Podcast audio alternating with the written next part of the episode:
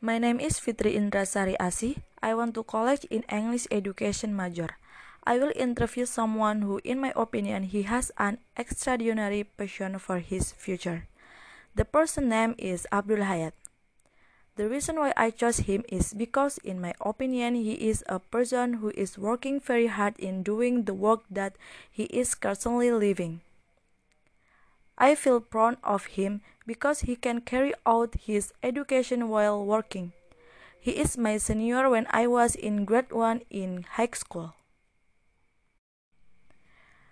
In the first question, I asked him to tell me a little about his career that led to his work. When he was a high school student with a major in social change, so things related to social and social activity could not be kept away from him. Then he continued his studies at the College of Economy by majoring in regional planning management concentration. Then he got a job over at the village office where he lived.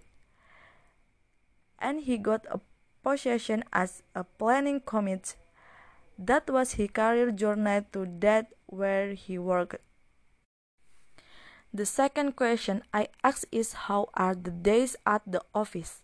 He ran his day the same as ordinary employees. Every day he must come on time. And of course, if he is late, he will be subject sanction. Every day he always does work in accordance with the coordination of superiors. Then evaluates and he also carried out assessment and office trips, both in the sub-district, in the regency, even in the province. He runs his job for 8 hours per day.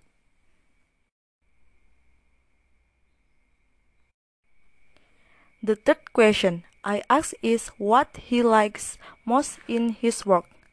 The thing he likes the most is when he does the development planning properly and in accordance with existing regulation, and that will be his own certification and certainly not an easy thing.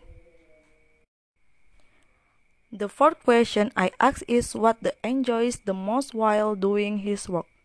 The most he enjoy was planning, development, and community empowerment. The fifth question is I ask what skill should someone who is interested in a job like you have? Skills such as material and operation, computer and devices, because work in is more dominant by using application, and also must have skill and skill in research and scientific study and development planning. The next question is I ask is what does he, he expect when he start his career or job?